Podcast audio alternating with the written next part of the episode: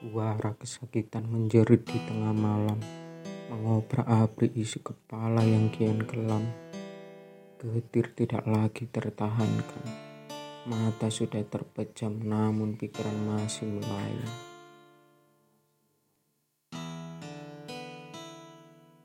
Silakan sebut aku pecundang. Sosok manusia yang masih belum mengakui kenyataan. Sosok manusia yang telah dihancurkan harapan.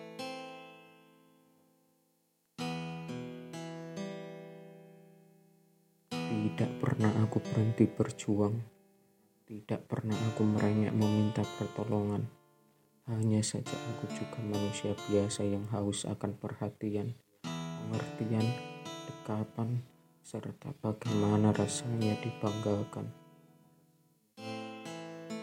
Dan hingga sekarang, semesta masih enggan memberikan.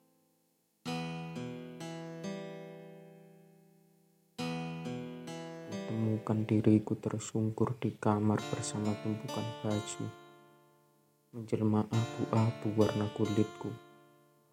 Keberadaanku nyaris tak utuh. Diambang ketiadaan aku bermandikan tidur. Menunggu seseorang datang mengetuk pintu menyelamatkan aku dengan perasaan haru.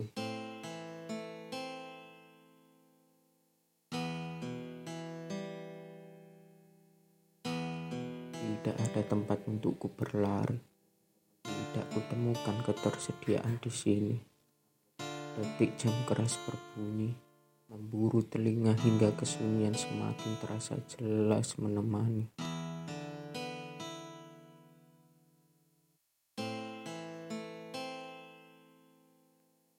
Pukul dua dini hari.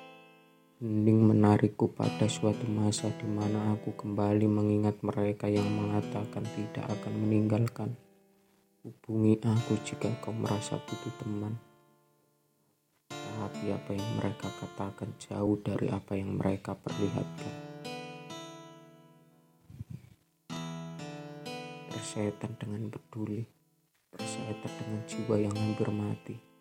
Aku tidak akan pernah lagi mencari Aku tidak akan lagi menari dengan lantunan puisi yang meluluhkan hati, menyanyikan lagu-lagu romantis yang mereka sukai.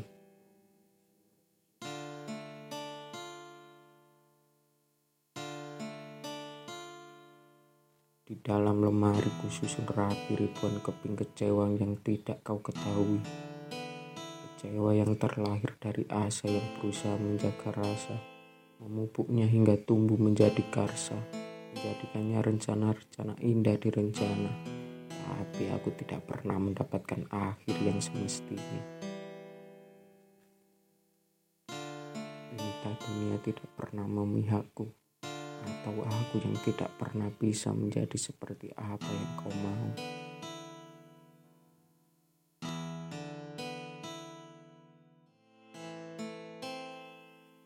Jika esok tidak kau temukan aku di halaman rumah, mungkin kau bisa mencariku di lini masa. Dan jika tidak juga kau temukan aku di sana, setidaknya kau akan melihat jejak-jejak rangkaian kata yang aku punya. Tulisan sederhana yang minim frasa, namun ditulis dengan tinta air mata yang mungkin tidak pernah kau ketahui sebelumnya.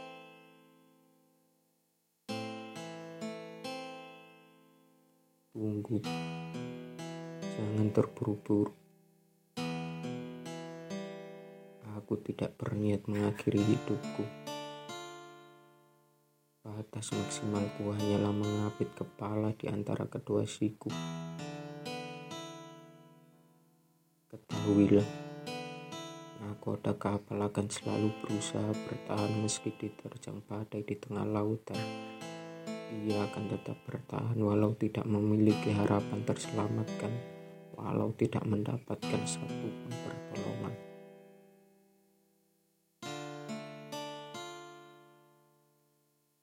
Aku hanya ingin bertahan hingga waktu memberhentikan, hingga Tuhan memintaku untuk kembali pulang.